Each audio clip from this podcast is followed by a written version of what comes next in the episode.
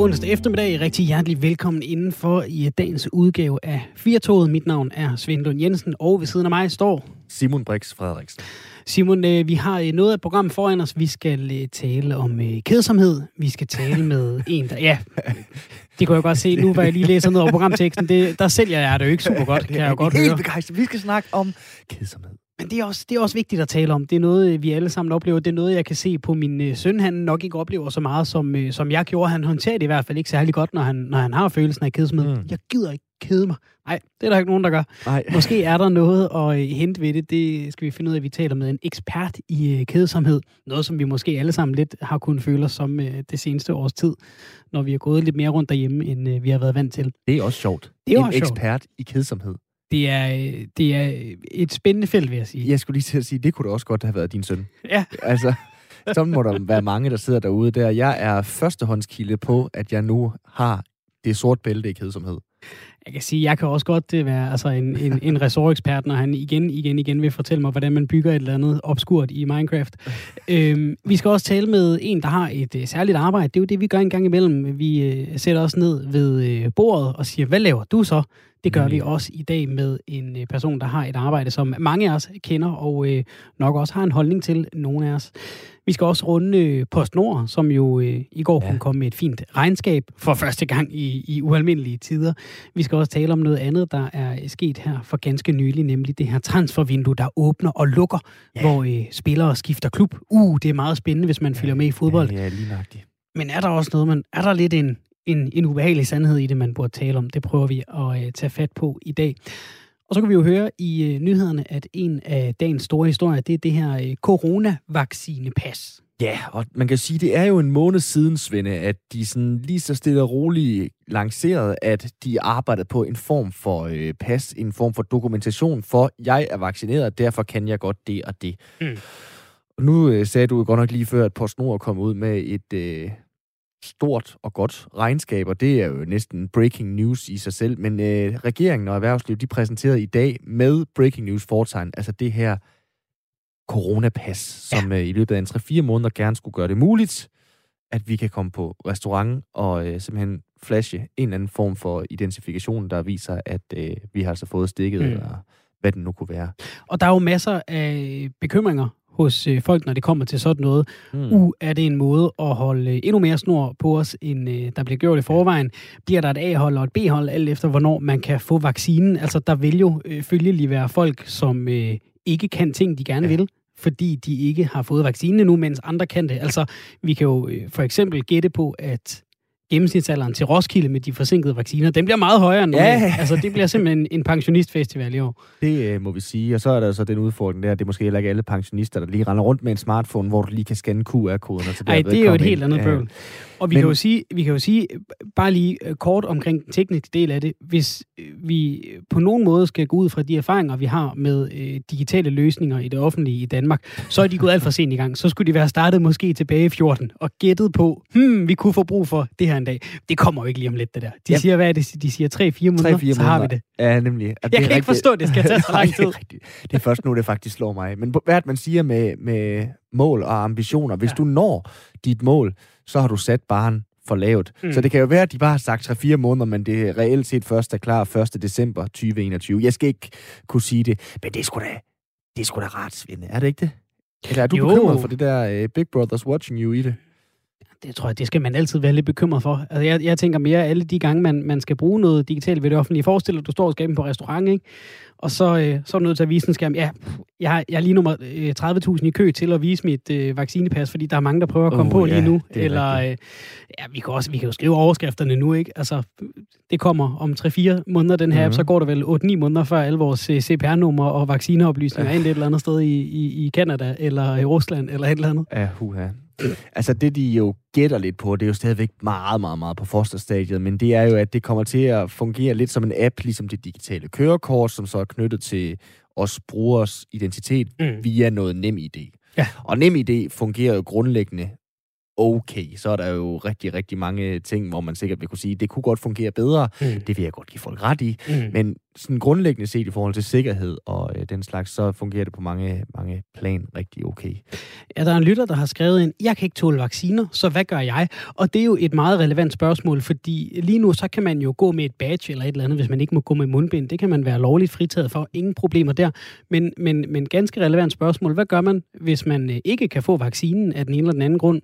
Og altså kan være en potentiel smittebærer, ja. må man så få lov til at komme på restaurant eller til festival eller et eller andet. Ja. Får man så en app, der viser, nej, du må gerne gå ind uden vaccinen, og så kan de andre stå og sige, hvorfor må det, og hvorfor må det, mm. og hvorfor må det. Øh, sikke en misære det bliver. Ja, det må vi jo finde ud af på altså, sigt. Igen, barnet i mig, det, med den barnlige begejstring, der glæder sig til at komme til fodboldkamp, til koncerter, ud og drikke og sådan ting der.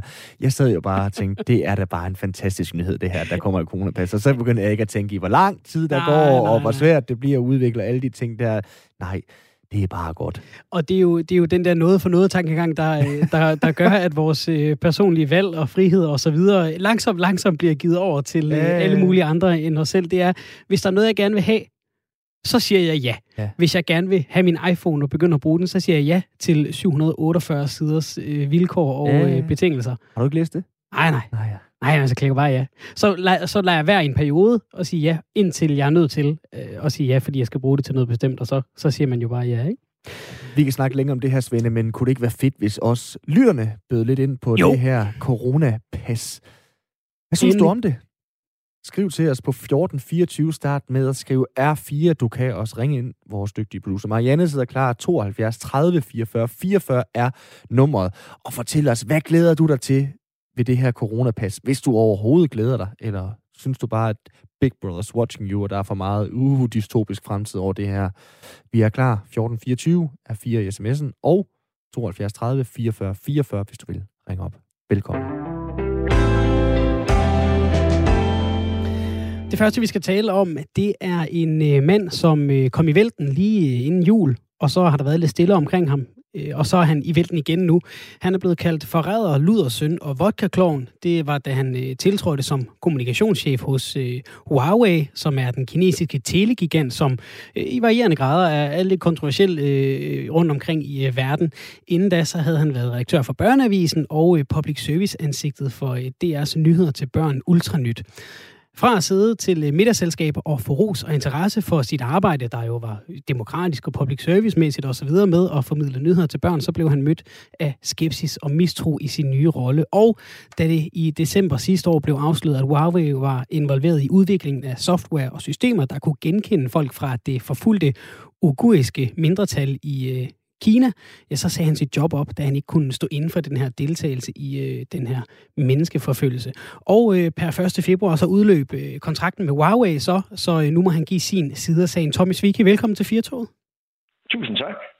Lad mig begynde med at spørge, hvad havde du regnet med, at, at det bare ville gå problemfrit og, øh, og være ansigtet udad til hos en, øh, en tech-gigant fra Kina, som, som er kontroversiel? Nej, jeg havde ikke regnet med, at det ville gå gnidningsfrit i den forstand. Øh, men øh, altså, jeg vidste jo godt, at jeg skulle ind og tage en masse slåskampe. Men, øh, men jeg havde taget utrolig mange samtaler med Huawei, inden jeg sagde ja til jobbet. Også mange svære samtaler, man normalt ikke vil tage med sin kommende arbejdsgiver.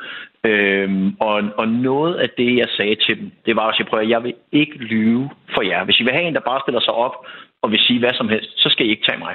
Og så sagde de nej. Det er lige præcis det, vi har brug for. Vi vil aldrig sætte dig i en situation, hvor du kommer til at sige noget, du ikke kan stå inden for. Øh, og det blev afgørende et eller andet sted for mig.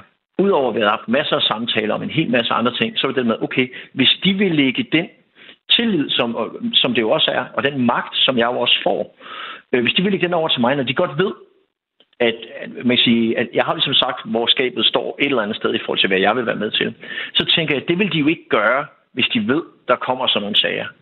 Det viser sig så selvfølgelig, det må jeg jo sige, at jeg tog fejl. At der kom sager, eller en sag i hvert fald, som jeg ikke, øh, som jeg ikke kunne stå bag overhovedet. Og derfor viste det sig at være et meget, meget skrøbeligt grundlag.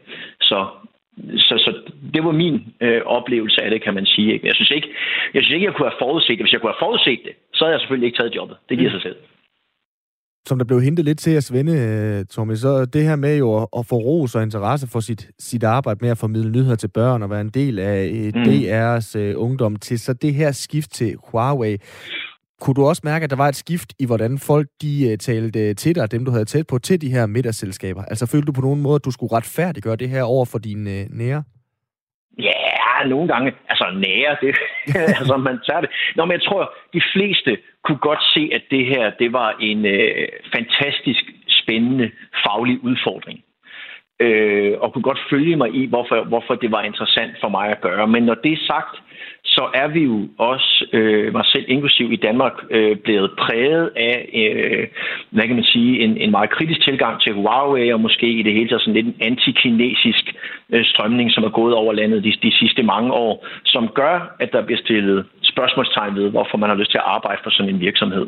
Øh, og det kunne jeg selvfølgelig også godt mærke, at, at, at man skulle have nogle svar klar på en anden måde, end, end jeg havde skulle have det tidligere. Men når det er sagt, så var det også derfor, at, at, at, at jeg gik ind i jobbet øh, velvidende, altså at, at, at der skulle tages nogle slåskampe, og dem skulle jeg også nogle gange tage i, i min fritid. Det var jeg sådan set indstillet på. Og det har, det har du også sagt, øh, mens øh, du sad som, øh, som kommunikationschef hos, hos Huawei, altså at vi mm. måske er lidt farvet, når det kommer til Kina. Viser sådan en mm. sag som den her netop ikke, at det er der egentlig en meget god grund til, at vi er. Altså, vi er ikke helt galt på den. Både og. Altså, I er ikke helt galt på den. Nej, men altså, det, det, det, det er jo indiskutabelt. Altså, den her sag øh, er for mig bevist i en så høj grad, at, at, at der er ikke nogen grund til at stille spørgsmålstegn ved, om, om Huawei har været en del af den her øh, gur-overvågelse. Øh, og det er... Øh, og det er ikke i orden. Altså det, øh, og det er også derfor, at det var nemt for mig, kan man sige, øh, at, at sige, det vil jeg ikke være med til. Men øh, på Huawei's vegne oplevede jeg stadigvæk, at det på en eller anden måde var, hvad kan man sige, Huawei, der blev taget til indtægt for alt, der var kinesisk, og samtidig så køber vi alt muligt andet, der er kinesisk ved siden af, og det er som om, det, det gør ikke noget. Det, der, der, der, altså dem, dem, dem kigger vi ikke på, og der synes jeg egentlig, at Huawei også havde krav på, øh, hvad kan man sige, at, at blive hørt øh, på en eller anden måde. Men ja, jeg tror ikke, man, man, man må bare heller ikke bilde sig selv ind, at den sandhed, der er omkring hvad kan man sige, Kina og, og kinesiske virksomheder, at den kommer fra USA. Øh, der, der, der synes jeg, og det kan godt være, at jeg ikke selv har været kritisk nok i min tilgang til Huawei, det kan det der noget, der tyder på, kan man sige. Men, men, men, men man må bare heller ikke bilde sig ind, at vi i, i, i Vesten øh, har øh, den, den endegyldige sandhed øh, om Huawei, for det tror jeg ikke, vi har. Og det var altså øh, noget af den sandhed, som, som Huawei gerne ville have dig til at tale om, det de ansatte der for et, øh, for et halvt års tid siden. Må vi spørge, hvad er lønforskellen på at være børnevært og så kommunikationschef hos en øh, tech-gigant? Den er desværre ikke så stor, som øh, nogen måske går og tror. Det er ikke sådan, jeg har en hel masse penge til at stå på bankbogen nu, hvor jeg er blevet arbejdsløs. Det var da øh, selvfølgelig en, en, en, en rimelig øh, lønstigning, men, men hvis, du går, hvis du taler det i, hvor mange timer jeg så også lagde mens jeg var øh, hos Huawei, så tror jeg faktisk, jeg har fået en, en lavere timeløn. Og under alle omstændigheder, så har jeg ikke, altså, jeg har ikke taget jobbet for pengenes skyld, fordi altså, hvis, det, hvis jeg arbejdede for pengenes skyld, så havde jeg ikke lavet øh, journalistik til børn i, i 10 år. Øh, det er bestemt ikke der, øh, lønningerne de er, de er højest, så det har aldrig været pengene, der har været afgørende for mig, når jeg, øh, når jeg har taget et, et stykke arbejde. Men øh, nu, øh, nu nævner du både altså, den her fortid på DR, og så det her med, med Huawei, hvor du, hvor du også siger, at du har, du har brugt mange timer og også brugt tid på i fritiden at forsvare det. Der er jo på sin vis ligheder der, at når man er øh, øh, børnevært på DR, så er man jo også øh, på arbejde hele tiden. Man kan ikke øh, bare øh, sådan gå ud og stille sig nede på strået og råbe og skrige, fordi så er man jo øh, en dårlig repræsentant for ansigt ud til. Altså, var det ikke også det, ud over din, din faglige kompetencer, det du blev betalt for, altså at være Huawei's ansigt udadtil, uanset hvad? Jo, jo. Jo, jo, jo. Jo, men 100 procent. Det er jo det, øh, øh, bliver der ikke øh, lagt skjul på. Altså selvfølgelig var det det. Øh, øh, øh, planen var jo, en af, en af Huawei's udfordringer var og er nu måske i endnu højere grad, at det er lidt den her mystiske virksomhed, som øh, man ikke rigtig kan få noget at vide om, eller noget at vide fra, og som, øh, og, og som måske har lukket sig lidt om sig selv, og det vil man gerne prøve at gøre op med, og en måde at gøre det, det var jo at få en ud, som ville være ansigt, og som var dansk. Altså, man kan sige, min, det, der stod øverst på ønskelisten øh, fra, fra Huawei, var nok at få en, der var dansk i virkeligheden. Ikke? Øh, så jo, jo, jamen selvfølgelig, men det vil jeg sige, det gælder der for alle kommunikationschefer i, i alle øh, firmaer, at man selvfølgelig repræsenterer øh, firmaet også i sin fritid øh, mm. og i virkeligheden. Og jeg, som du selv siger, og da jeg var hos DR, selvfølgelig også repræsenteret DR, øh, når jeg ikke var på arbejde. Men det synes jeg, der er, er, er helt normalt i virkeligheden. Ja, og, og, og noget af det, som, som øh, du så var med til at lave hos, øh, hos Huawei, det var det her øh, Tech med Tommy, som jo også trak mm. overskrifter for nogle måneder siden. Mm. Altså det her Explainer-program, som vi lancerede, hvor I mm. ville forklare, hvad er 5G, hvad er skyen, og så skulle det så gerne rulles ud i, i, i folkeskolerne som en del af undervisningen. Øhm, du har været ude i et par interviews her i løbet af den her uge hos øh, Politiken, hos øh, Fagbladet Journalisten, øh, og du, du siger i de interviews, du kan godt se, at du blev ansat, fordi du havde noget troværdighed, som Huawei kunne bruge, men samtidig så siger du også, at, at for, for eksempel Tech med Tommy, at der er ikke noget øh, øh, ondsindet i det, fordi ideen var slet ikke Huawei's, det var din egen. Hvis jeg nu havde hørt, Tommy, at du lavede sindssygt gode lammekoteletter, så kunne jeg jo godt finde på at købe nogle lækre lammekoteletter, stille dem i køleskabet, invitere dig over, og så vente på, at du selv fik den idé at lave dine berømte lammekoteletter. Har du været lidt for naiv i forhold til, hvad din baggrund var, og hvem du havde høj troværdighed hos de danske børn, som jo måske går hen i en butik og peger på, det er den telefon, jeg gerne vil have. Øh, og så i forhold til, hvad det var, Huawei øh, gerne ville med dig? Det tror jeg helt ærligt ikke, fordi det eneste, altså øh, i Huawei var der mere, øh, altså samlet set øh, i organisationen var der nok mere modstand, end der var, øh, end, end der var opbakning til, øh, til, til Tech med Tommy-initiativet. Det var, det var absolut mit eget, og igen, de explainers, øh, nu nåede vi kun at lave den ene, altså øh, indholdet i dem øh, vil jeg kunne stå øh, 100% inden for os nu. Det jeg selvfølgelig nu har kan være i tvivl om, det er jo, at, at når, når man skulle lave de explainers, så ville der jo stå præsenteret af Huawei, og det var selvfølgelig med til at skulle et eller andet sted gøre noget godt for Huawei-brandet. Mm. Og det er klart, alt hvad jeg har sagt og gjort, nu skal ses i, ses i lyset af, at øh, jeg i hvert fald på et område som minimum har taget fejl, og jeg ikke er sikker på, øh, hvor meget af den information, som jeg tidligere har taget for gode varer, også var gode varer. Men, men, det var, men jeg det tror det, jeg ikke, skulle til at spørge jeg, jeg, fordi... men, jeg tror, men jeg tror ikke, jeg har spekuleret i, at jeg som tidligere vært havde lyst til at gå ud og lave de her øh, explainers, som i øvrigt ikke var tiltænkt folkeskolen. Jeg ved ikke, hvor det er kommet ind nogen steder hen. Altså, det var tiltænkt børn, det er rigtigt, men det var ikke undervisningsmateriale. Hvis man havde lyst til at se dem i skolen, så kunne man have lov til det. Men, men, øh, men, men det var ikke det, der var sådan øh, særskilt, øh, hvad kan man sige, formålet. Men, men Tommy, det er jo netop, du er selv inde på det her. Det, det er det spørgsmål, der melder sig i, i, i, mit, uh, i mit hoved. Altså når du refererer til, at, at uh, jamen, der var mere modstand hos Huawei end noget andet. Vi har jo set det her forløb, som, som fører til, til din opsigelse, at du har ikke helt kunnet få uh, hele sandheden på bordet, og der er ikke helt blevet talt, uh, talt uh, lige ud af posen og med åbne kort. Hvordan kan du uh, ikke undgå at stille spørgsmålstegn ved alt, du har fået at vide? Jamen, det gør jeg også nu. Altså nu, når jeg kigger tilbage, kan jeg jo ikke sige med sikkerhed. Jeg synes undervejs, øh, hvad man siger, der fik jeg nogle gode, troværdige svar på de issues, vi nu øh, måtte have. Øh, og jeg havde, hvad kan man sige, igen, i og med de troværdige, altså så, så, så når man ned og siger, okay, det tror jeg på, det lyder rigtigt i, i min optik, øh, og det føler jeg mig tryg ved at gå videre med. Øh, og igen tilbage til den oprindelige snak om, at hvis jeg får, altså hvis, hvis, I, hvis I siger noget, jeg ikke kan stå ind for, så kommer jeg ikke til at, at gå videre med det. Øh, og derfor er det også, altså der render jeg også panden mod en mur, da den her Ugur-sag øh, dukker op, og jeg oplever, at øh, de sådan set anerkender, at sagen den er god nok. De er bare lidt ligeglade med den. Mm. Øh, hvilket, hvilket jo næsten er værre. Ikke? Mm. Øh, og, og, og det er også derfor, at man siger, under en uge efter, der havde jeg sagt op. Ikke? Øh, men, men, men, men det er klart, at hvis jeg undervejs havde en fornemmelse af, at der var information, der blev tilbageholdt øh, fra mig, så var jeg jo stoppet på det tidspunkt, eller i hvert fald havde spurgt mere ind. Altså, jeg, øh, jeg, jeg synes øh, naturligvis, så længe jeg var der, så var jeg der, fordi at jeg synes, at de svar, jeg havde fået, var, var troværdige og fyldestgørende. Noget af det, du også har sagt, øh, blandt andet i, i politikken, Tommy, det er det her med, at øh, du også har sagt det her i, i snakken med os, at øh, danskerne, måske især de danske medier, måske ikke har forstået Kina godt nok og, og har malet nogle, nogle fjendebilleder. Og du siger også, at du er blevet rystet af den her sag, og har, øh, du har forsvaret anklager om spionage med, at det kunne Huawei aldrig finde på, fordi så var jeres forretning færdig, og derfor undrer det dig dybt, dybt, dybt, man kunne finde på at deltage i det her program, altså mm. og, og levere mm. noget, noget software eller en platform til, til det her ansigtsgenkendelse af et forfulgt mindretal. Mm. Er det så ikke dig, Tommy, der ikke har forstået Kina godt nok i den her situation? Det er jeg ikke sikker på. Altså, jo, jo i en eller anden udstrækning. Men Kina er jo, er jo, en, er, er jo, en, er en kæmpe størrelse. Øh, og det er også der, hvor at jeg, jeg synes, det er for nemt at bare sige, at det er dårligt, fordi det er kinesisk. Mm. Altså, det, det er simpelthen bare... Øh, altså, så kommer vi ingen vegne. Og det, og det er lidt den Øh, argumentation, jeg synes, jeg nogle gange er løbet ind i, at Nå, det kunne du have sagt dig selv, det er fra Kina.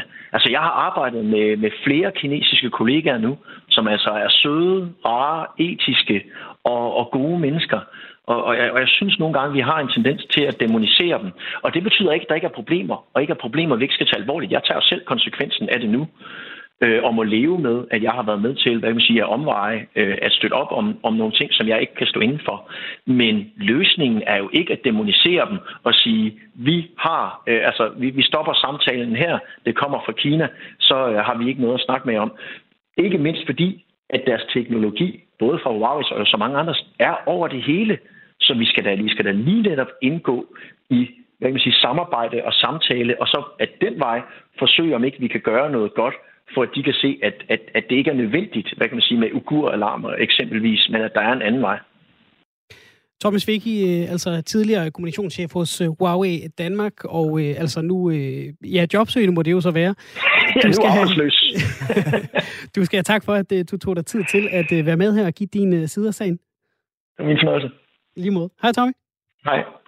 Vi kan jo nævne, at øh, politikken øh, også har historien om øh, netop, at øh, Huawei øh, nordiske chef, mm. øh, han hedder, øh, han hedder øh, Kenneth Frederiksen, han øh, øh, siger ja, altså han siger, at det er ganske rigtigt, den her historie, mm. og, og tager afstand øh, til det. Der er lige øh, to ting, jeg godt lige vil, vil slå ned på i, i det, han siger til, til politikken. Der er jo blevet snakket om et lovforslag om, om man skal give Huawei lov til at byde ind på det her 5G-netværk i Danmark eller ej, og om loven den er udformet sådan, at den øh, bliver svær for Huawei at komme ja. i nærheden af. Ikke? Øh, altså, øh, der er nogen, der har kaldt det Lex Huawei, altså Huawei-loven. Ikke? Mm. Øhm, sådan øh, ønsker Kenneth Frederiksen ikke at læse lovforslaget, men frygter, det kan være tilfældet. Han siger til politikken, vi støtter op om streng sikkerhed i den kritiske infrastruktur. Der er mange gode ting i det danske lovforslag, men det er bekymrende, at det fokuserer på nationalitet og hvor selskaber er geografisk placeret. Og det runger jo klingende hult, at en fra Huawei nu står og siger, at øh, han er bekymret over noget, der fokuserer på nationalitet. Ah, ja. den er ikke god. Den skal, han lige, den skal han lige moderere efter den her udvikling. Øhm, og øh, så siger han også, vi er imod diskrimination af enhver minoritet. Diskrimination er forkert, og vi vil ikke støtte det ved at tillade, at vores teknologi benyttes på den måde i fremtiden. Han forklarer, at Huawei alene serverede serverplads og anden generisk teknologi, mens Megvi, altså et andet kinesisk ja. firma, stod for ansigtsgenkendelsen. Og det er jo som at sige, vi gjorde ikke noget andet end at levere ovnene til Auschwitz. Det var det, det vi kom kun med ovnen. Det var det eneste, vi kom med. Vi lavede rigtig mange, vi vidste ikke, hvad de skulle bruge. Så ja, men nogle gange kunne man godt ønske, at der kom en eller anden form for national værtsgave landene imellem, hvor i der var perspektiv. Øh, fordi altså, nogle gange så kan jeg blive betaget af den form for dobbeltmoral, der er, og mangle øh, indsigt i nogle af, af, af sådan de ting, som for eksempel her, som du lige nævner, Svende. Øh, ja, jeg, jeg bliver blæst bagover nogle gange. Så lader vi den ligge der og siger, øh, du lytter til øh, Firtoget, hvor klokken småt nærmer sig øh, halv fire. Vi øh, har stadig åbent for sms'en. Vi bad om jeres meninger om vaccinepasset. Vi kan lige lave et par nedslag. Vi talte om en sms, vi fik tidligere, hvor der en, der skrev, jeg kan ikke tåle vacciner, så hvad gør jeg? Så skriver øh, vikarerne ind. Kan du ikke tåle vaccine? Får du ingen vaccinepas? Er du benamputeret? Kan du heller ikke komme på fodboldlandsholdet? That's life. Og det er jo øh, en meget en-til-en øh, vurdering af situationen. Der er en anden, der skriver, som gravid og kommende ammende kvinde kan jeg godt blive bekymret for, hvor mange faldgrupper der er i denne plan. Hvis de indfører coronapasset, kan de ikke undgå at skulle udstede utrolig mange dispensationer, blandt andet til multiallergikere, gravide, ammende og lignende, øh, og øh, hvordan må det kan effektiviseres og øh, kontrolleres. Det samme med børn, som jo også står aller sidst i, i, i vaccinekøen. Ja, ja, ikke? Altså, så kan man ikke tage børnene med og spise. Ej, kæmpe sejr for alle forældrene, der ja, ikke gider at slippe deres børn med på kæmpe sejr for alle dem, som skal passe børn, og måske kan score en øh, ekstra øh, skilling ved at være øh, børnepasser. Så er der en, der skriver, indførelse af vaccinefas er farlig, skaber falsk tryghed. Ifølge BioNTech medfører deres vaccine ikke immunitet hos 1 ud af 20, øh, og AstraZeneca-vaccinen immuniserer ikke 4 ud af 10 vaccinerede. Der er ingen videnskabelig garanti for effekten, hverken omfang eller varighed. Vågn op af drømmen. Venlig hilsen. Dejligt med en venlig hilsen, øh, jeg tror selv, efter et øh, vågn op af drømmen. Ja, med store øh, bogstaver. Så er der Lars, der slet og ret skriver, prøv nu lige at tage ja-hatten på.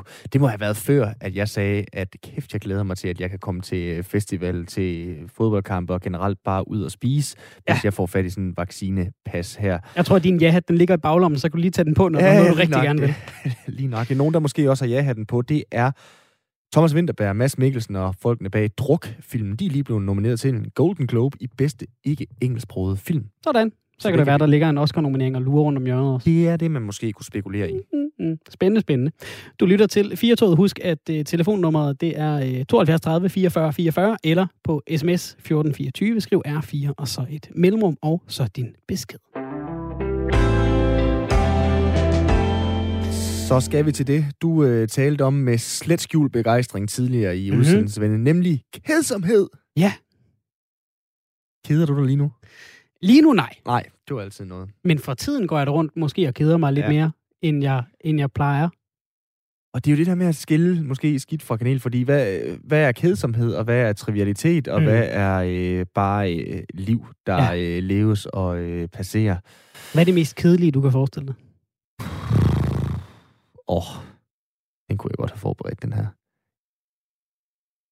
Det ved jeg faktisk ikke, hvad det mest... Der er virkelig mange kedelige ting, ja. øh, synes jeg. Men jeg synes jo også, øh, der er noget sundt i at kede sig faktisk indimellem. Altså, jeg ja. synes godt, det kan gå for hurtigt nogle gange. Men jeg tror, det kedeligste, jeg kunne forestille mig, det var at blive tvangsindlagt til at lave sudoku en hel dag. Okay. Det er faktisk meget sjovt, synes jeg. Jamen, det, Måske det ikke en hel dag. Jeg, nej, men jeg synes hurtigt, det bliver kedeligt, fordi jeg har tidligere turneret med det her øh, perspektiv, at jeg hader jo ting, jeg er dårlig til. Mm. Og Sudoku har jeg aldrig rigtig... Hedder det Sudoku? Sudoku? Hvad hedder det? Jeg tror, det hedder Sudoku, ja. Godt nok. Sudoku? Hvad jeg, jeg, jeg, har hørt nogen sige Sudoku engang. Der. Jeg nogle gange kan godt øh, komme afsted med at sige noget forkert. Sudoku, det er måske mest folk over 80. Men det her med... Jeg er så ringe til sådan nogle ting der, til at fordybe mig lige præcis i det der, fordi jeg har aldrig rigtig givet at lave kryds og tværs mm. og sådan nogle ting der, for at holde øh, hjernen ved lige. Så vil jeg hellere bare læse en god bog, for ligesom at, at holde de små grå Men der er jo ingen af de ting, der har noget med kedsomhed at gøre, fordi du laver noget. Jo, jeg synes, det vil være kedeligt at, okay. at, at læse en... Øh, hvorfor ikke? Nå, men jeg tænker mere, at kedsomhed er mere forbundet med, altså, at du laver noget, der... Ja, det ville du så også synes var rigtig kedeligt. Jeg kunne så, for eksempel, når du siger at læse en bog, så keder du dig jo netop ikke. Så laver mm. du en aktiv aktivitet, som du synes er underholdende. Ja, ja. Det kan du selvfølgelig godt have en pointe men hvis du for eksempel læser en bog på en 8 timers flyrejse til Fjernøsten, ja, så kan man godt kede sig lidt. Så kan man godt kede sig lidt, men du læser alligevel videre. Ja, Jamen, ja. det er rigtigt nok, når man begynder at se den tredje film. Ja. ja. Rigtig mange danskere øh, keder sig måske lidt mere for tiden nu, hvor vi øh, må lave så lidt af det sociale, vi plejer. I går der ringede vi her på redaktionen til en person, der ved rigtig meget om kedsomhed. Han ville til gengæld ikke kende spørgsmålene på forhånd, fordi det ville være kedeligt.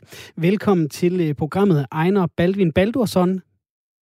Ja, tak skal du have. Du er lektor inden for arbejds- og organisationspsykologi på Aalborg Universitet. Nu må vi se, om vi kommer til at kede dig med vores øh, spørgsmål.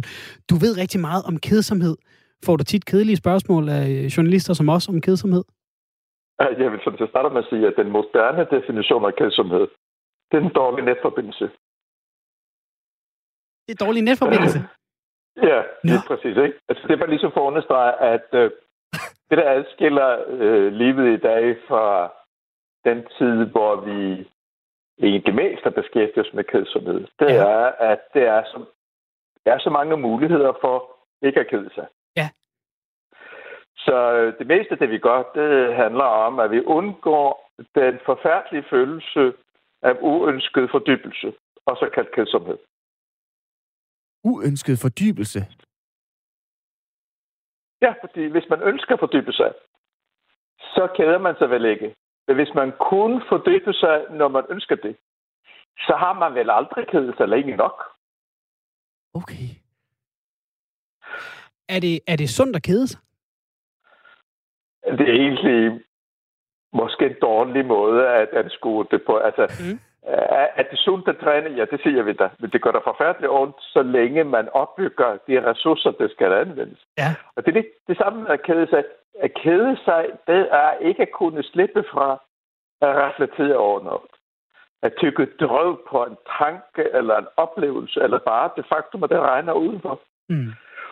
Og jeg tror, at, at det, der sker, når man vender sig til kedsomhed, det at man vender sig til, at det går ondt at finde på noget. Det gør ondt at lære noget. Og træningen gør så, at man bliver bedre til at holde til det.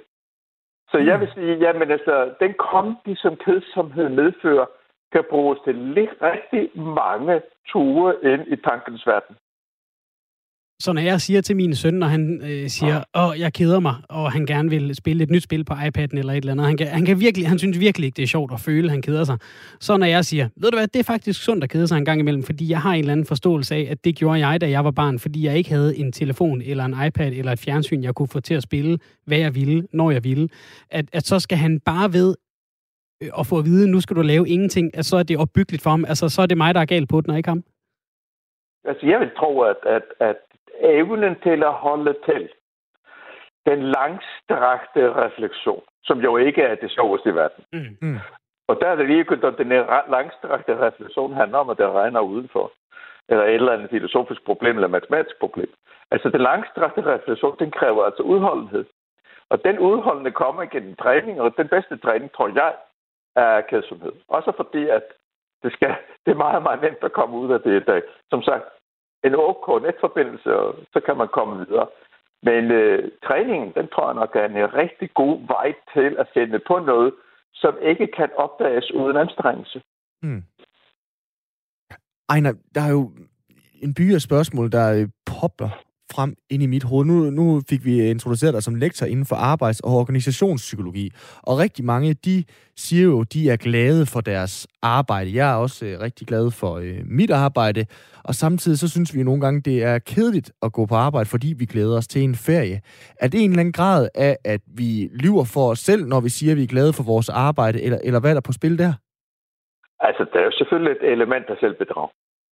Det skal vi være ærlige omkring det vi skal, er det bedre at bilde sig ind, at man vil. For så bliver det nemmere at gøre det. Men øh, samtidig er det også sådan, at øh, det er moderne arbejde. Det indebærer voldsomme øh, investeringer af ressourcer. Man skal virkelig have rigtig god konti forholdet til det moderne arbejde. Mm. Og når man har øh, løbet meget, meget hurtigt, meget, meget længe, så bliver alternativet i stigende grad forlokkende. Men den anden ting ved ferien, som jeg synes er værd at øh, hæfte sig ved. Så ferie er en god ferie. Det er en ferie, som får lov til at øh, gå langsomt. Ja. Altså, hvor tiden finder sit naturlige leje.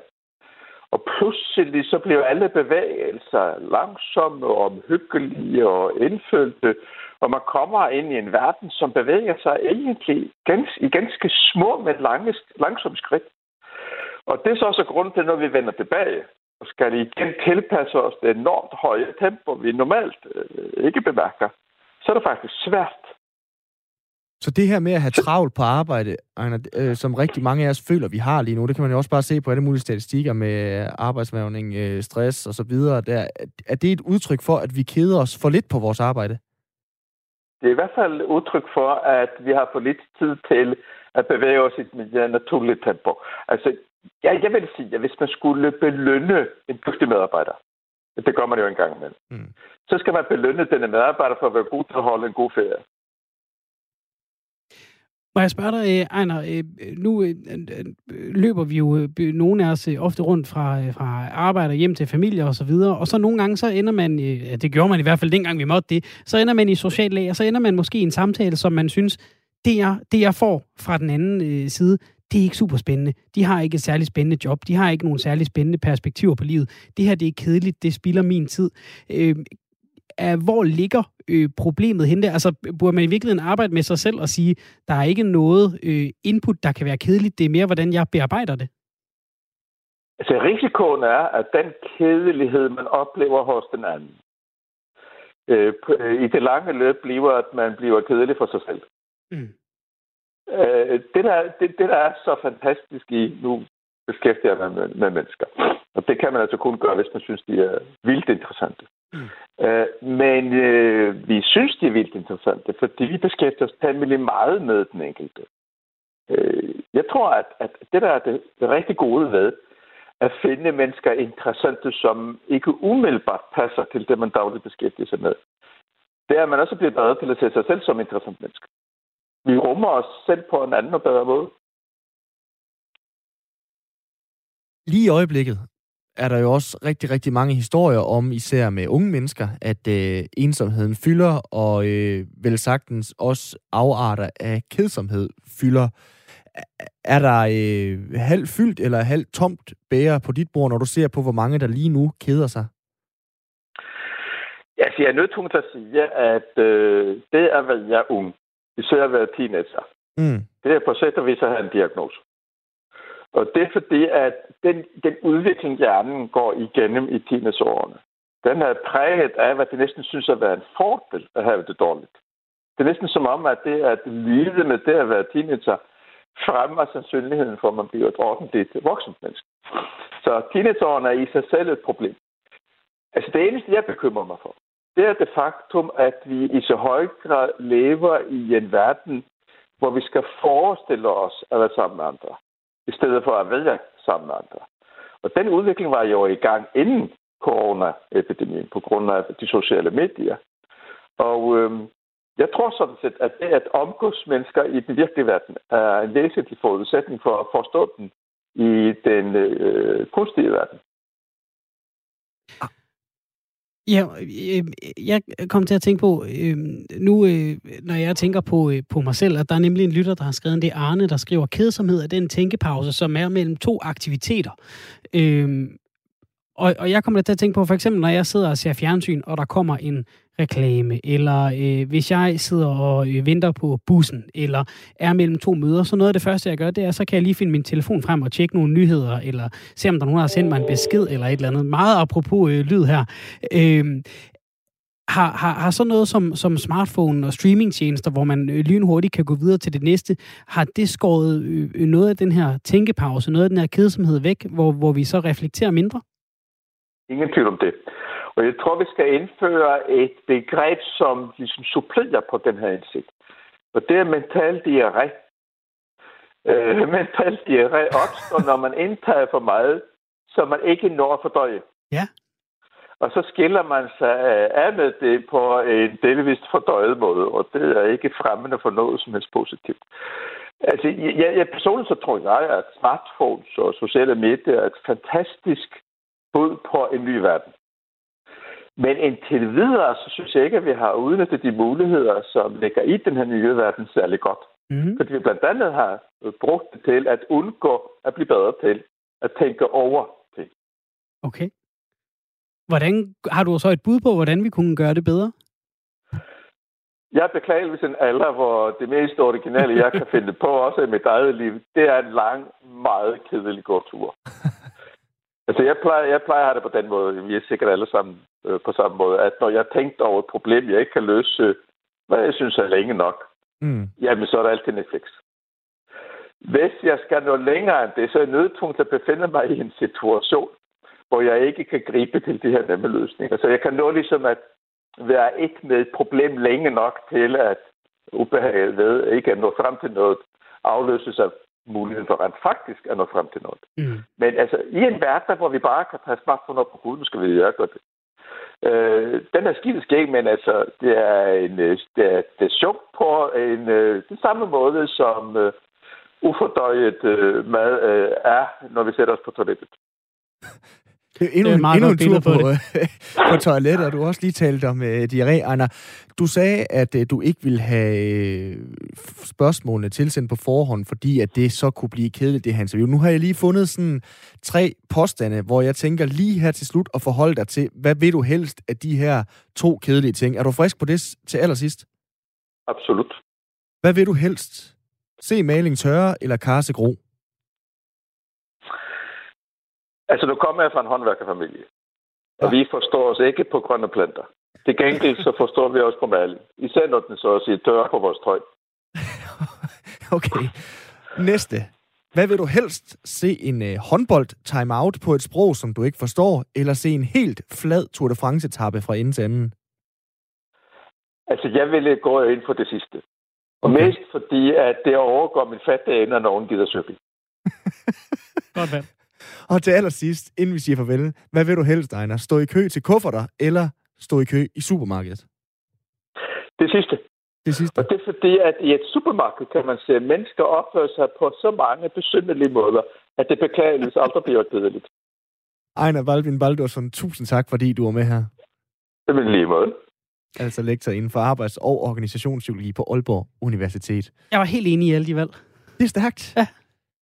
Man har virkelig god tid til at kede sig på en flad Tour de France-etap. Jeg tror faktisk også, jeg vil øh, vælge den for ligesom at tænke lidt. Jeg har aldrig forstået de der ungarske øh, time-outer, vi nogle gange ser til håndboldslutrunderne. De var jo heller ikke 4-5 timer, kan man sige. Du lytter til 4 Husk, at uh, telefonnummeret hen til det er 72 30 44 44, eller hvis du vil sende en sms, så er det på 1424. Du kan skrive R4, og så et mellemrum, og uh, så din besked. Så skal vi til en øh, runde ved bordet. Hvad laver du så? Det her øh, lille bordherre eksperiment skråstreg erhvervsklub, vi kører på firetoget, hvor vi øh, sætter os til bords hos en familiefrokost, konfirmation eller bryllup, og har den her klassiske samtale med en, hvor vi stiller spørgsmålet, Nå, men hvad laver du så? Det kan være, at du har en øh, bror her, der laver noget ganske, ganske andet, end det du selv plejer at lave, og derfor har du jo en hulens masse fordomme, som du måske kan få af eller bekræftet. Men folk, de brænder jo for deres arbejde, og er ganske ofte jo også rigtig gode til det, og derfor så prøver vi her i Firtog lige at gøre dig lidt klogere på det, du ikke vidste var spændende, og det er uanset om du er det ene, det andet eller tredje. Så det er vores lille erhvervsklub. Hvad laver du så? Dagens brorherre, det er Christian Toftemark, der er politikommissær hos Midt- og Vestjyllands politi. Velkommen til, Christian. Tak skal du have. Først og fremmest, en lille anekdote eller sjov historie, der fortæller om lige nøjagtigt dit arbejde som politimand. Var det, da du gav en parkeringsbøde til dig selv, eller opklaret et lokalt røveri, eller noget helt tredje? Nej, jamen det, det, det sjove ved mit arbejde, det er jo, at man møder, man møder folk i øh, alle samfundslag og, og på alle mulige mærkelige måder, men altså en, øh, en, en lidt øh, ældre anekdote fra min tid, da jeg kørte patrulje, der kom vi, øh, vi kørende ud fra en politistation, og lige 200 meter fra, fra udkørselen til, øh, til politistationen, der er der et fodgængerfelt. Øh, og, øh, og der er grønt lys, så jeg triller lige så stille frem mod, øh, mod, mod grønt. Øh, og der går så et, øh, et øh, ældre, ældre ægtepar og øh, vader lige ud øh, foran patruljebilen, øh, og de går jo så over for rødt. Øh, og jeg bliver forskrækket, og det gør de jo så også, for, for jogget bremsen i bund og stiger så ud, og om manden der, som vil skyde på at have været i midten af 70'erne, undskylder mange gange, og øh, de var lige kommet fra, at de havde været til, til noget kulturarrangement og gik og, og snakkede, og, og vi havde vi havde, tænker faktisk en fin forståelse af, at, øh, at det, var, det, var, det var et uheld, og, og, og fred være med det. Øh, hvorefter hans øh, kone i pels vendte sig om til mig, kiggede mig i øjnene og sagde, og hvad har du så tænkt dig at gøre ved det? og så øh, blev jeg nødt til at skrive en hilsen til hende, fordi hun havde i hvert fald øh, ikke forstået øh, den samtale. Og jeg er ret sikker på, at øh, manden og jeg, vi udvekslede blikke, og han var ikke imponeret af hans, hans frues adfærd. Kæft, en lang tur hjem, de har haft. Jeg kan vide, om de har deleøkonomi, om det så var hende, der skulle betale øh, hele bøden eller et eller andet. Jeg havde næsten ondt af ham, men ja. Øh, ja, sådan kan det jo gå. Ja, det er jo det. Christian, ja. hvilken fordom øh, møder du oftest i dit job som øh, politimand? Jamen, altså, jeg synes, der er mange. Øh, altså, øh, en, af, en af grundene til, at jeg, jeg ikke sådan altid fortæller, hvad jeg laver, hvis jeg sidder til familiesammenkomster, hvor jeg ikke kender dem omkring mig, øh, det er det her med, at der er altid nogen, der har haft en dårlig oplevelse med, med en betjent. Øh, og, og det vil, vil de oftest gerne øh, delagtiggøre alle mulige andre i. Ja. Øh, og det, Ja, og det kan nogle gange være sådan en lille smule anstrengende. Jeg, jeg plejer at tage brøden af det ved at sige, at, øh, at hvis det er sådan, hvis, hvis det er sket, som du har oplevet det, så er det jo selvfølgelig øh, frygteligt træls. Men, men det er jo nogle gange svært at, at, at forsvare noget, man ikke har været en del af. Øhm, ja, så du kommer til at stå på mål for hele dit erhverv nærmest, eller hvad? Ja, ja, lige netop. Lige netop øh. Men altså, noget andet, som jeg faktisk har stødt i nogle gange, det er, hvis man kommer til at snakke om, om, om forbrydere, der har lavet noget rigtig dumt. Altså, nogen, der laver øh, piller ved børn, eller nogen, der, der begår sædelighedsforbrydelser af den anden art, så er, det, så er det tit nogen, der spørger, åh, men kommer I ikke lige til at tabe det ned ad trappen, eller, eller hvordan er det nu lige, når de får håndjern på, så strammer I den ikke lige lidt ekstra. Mm. Øhm, og det vil bare sige, det, det, det, det er altså en fordom, der, der rammer noget ved siden af det, det danske politis målskive. Øh, I, hvert fald, I hvert fald den del af politiet, jeg har været en del af. Øh, det, det synes jeg, øh, det er heldigvis en fordom, jeg ikke kan, ikke kan bekræfte. Øh, vi render ikke rundt og taber folk ned ad trapperne, også selvom de har lavet noget, der er rigtig dumt. Hvordan svarer du til de her, øh, hvad kan man sige, øh, ja, det kunne så være en øh, konfirmation eller bryllup, hvor du øh, ligesom bliver konfronteret med de her øh, fordomme, altså fordi tit og ofte så lyder det jo også øh, sådan lidt på jysk, en lille tøhø, de prøver at slå og så videre der, men de kan selvfølgelig være pisse irriterende for en politimand, hvis du har hørt den 17 gange. Hvordan håndterer du ligesom dem? Jamen, jeg, jeg trækker på smilebåndet. Altså, jeg kan jo heldigvis med sindsro sige, at det har jeg aldrig oplevet. Mm. Øhm, men, men, men typisk så er det også, øh, så kan man komme til at snakke om, at det er jo noget, de har set i film, eller det er noget. Og, og det er altså, der er altså bare et stykke fra, fra selv de danske dramaserier, hvor, hvor end gode de måtte være, og så til den, øh, den virkelighed, jeg bevæger mig rundt i. Øh, det, det, er ikke, det er ikke altid, at der er lighedstegn mellem, øh, mellem fiktion og så, og så vores verden. Nej, det leder jo meget fint videre til næste øh, spørgsmål øh, og fordom måske, fordi nu, øh, Christian, er du så politikommissær hos Midt- og Vestjyllands politi. Hvilken film, tv-serie har sådan ramt mest plet af for eksempel Striser på Samsø, Anna Pil eller Rejseholdet i forhold til dit arbejde som betjent? Ja, altså, øh, jeg, jeg synes faktisk, at rejseholdet ramte altså, nogenlunde inden for målskiven. Jeg har været efterforsker hele min politikarriere, mm. helt fra jeg var færdig på politiskolen. Og, øh, og den er jo så også baseret på, på øh, sande historier, som så er, er, er, er skrevet lidt om. Men, men den synes jeg faktisk var nogenlunde, øh, nogenlunde sandfærdig. Øh, dog mangler den jo så alle de der hundredvis af timer, hvor vi sidder og skriver rapporter og, øh, og kigger på skærme og, og laver alt det administrative arbejde. Det er, det er jo behendigt klippet ud af alle de her serier. Det er nok også øh, halvkedeligt at sidde og kigge på. Og så var der også det med, at Lacour, han kunne lukke øjnene, og så lidt se, hvad der skete på gerningsstedet. Den slags betjente tænker jeg heller ikke, jeg har så mange Nej, vi havde faktisk, jeg, jeg var faktisk med som efterforsker på en drabsag for ja, små 10 år siden. Øh, og der fik vi en, en henvendelse, øh, det var en af de ganske få uh, drabsager, hvor vi ikke havde fat i gerningsmanden i løbet af de ganske, en af de eller første dage. Og der fik vi en henvendelse fra en klaverjant, der gerne vil uh, tilbyde sin, uh, sin service. Uh, det, det, det, var, det var en meget pussy oplevelse, men uh, der er mere mellem himmel og jord. Det skal man nogle gange være åben for, men, uh, men vi, vi, jeg vil sige, vi opklarede ikke uh, drabet på, på baggrund af de oplysninger, vi fik fra, fra klaverianten. Ja, okay. det, det kan ikke ja. finde ud af, om det, det er godt eller skidt. nej, nej, nej.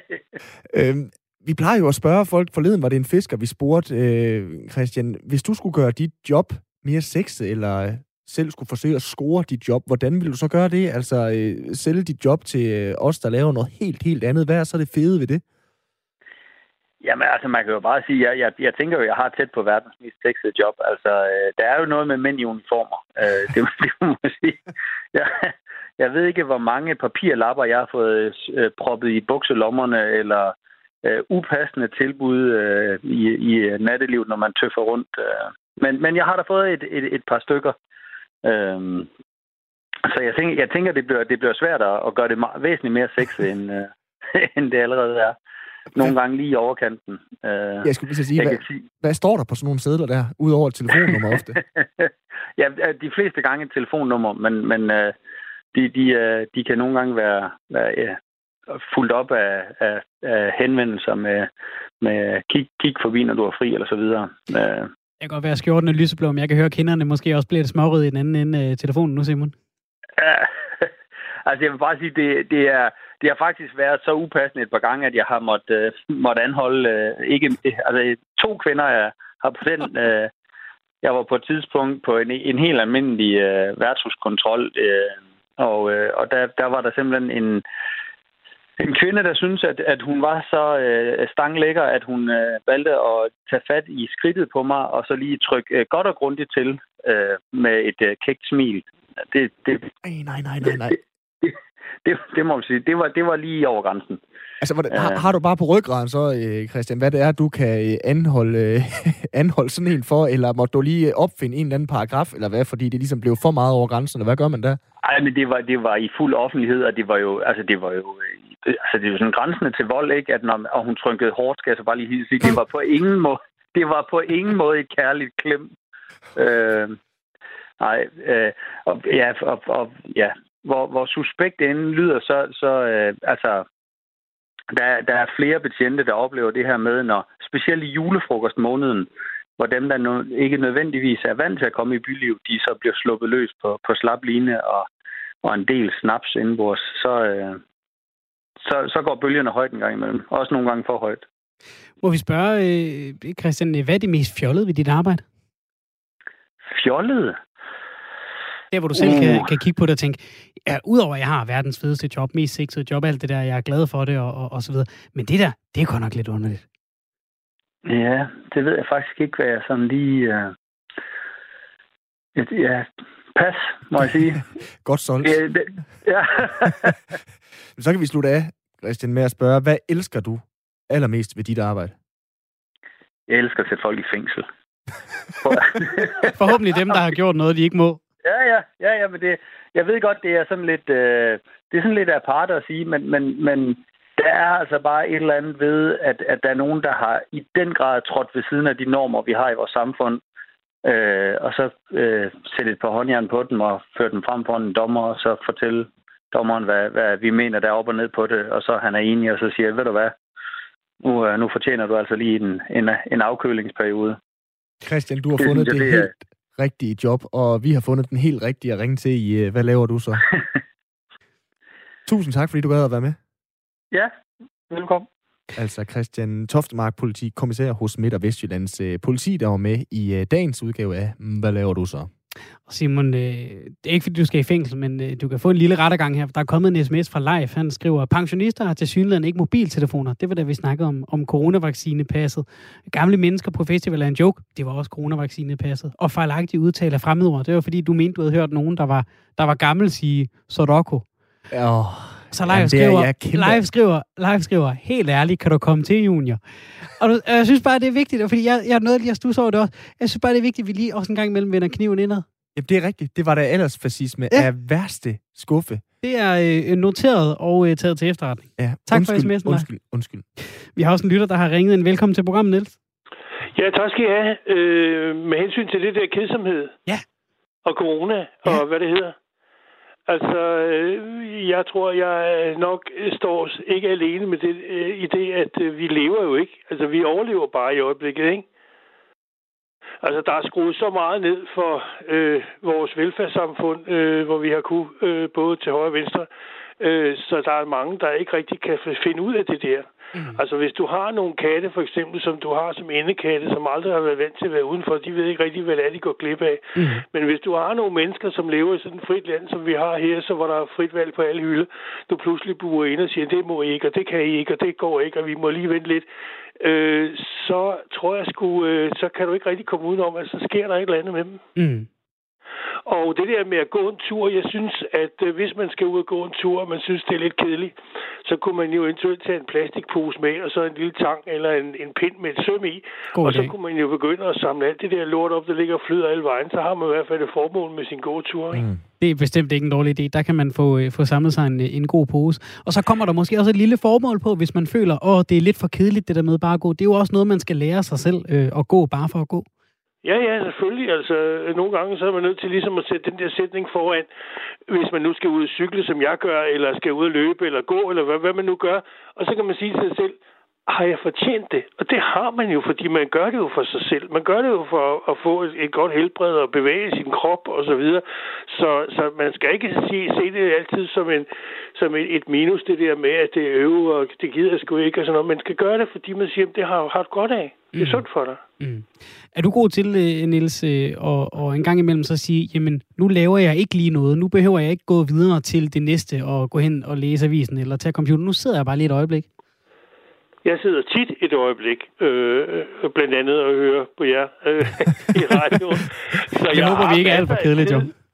til at slappe af og fordybe mig, øh, og jeg synes også, at jeg prøver på at fylde den her hverdag ud, som er lidt underlig, med, med, med ting, som jeg skal have gjort. For eksempel, hvis jeg skal male et, et værelse, eller hvis jeg skal have ryddet op, eller have støvsuget, eller vasket gulv, eller lavet et eller andet, du ved, man, man hele tiden skyder foran sig, som man siger, nah, det bliver en gang, når solen skinner. Så, mm. Altså, så, så lave nogle, øh, få fat i nogle rutiner, og få lavet noget, som, så du siger, nu har jeg i hvert fald gjort et eller andet fornuftigt med min tid, øh, mm. mens jeg går og venter på, at alt det her, det skal, skal få en ende, ikke? Ja.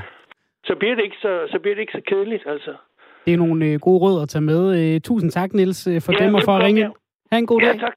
Hej, hej. Hej. Det var altså øh, Niels, der ringede ind på 72 30 44 44, som du også skal øh, være velkommen til. Du kan også bare sende en sms på 1424, så skriver du R4 og et mellemrum, og så din besked.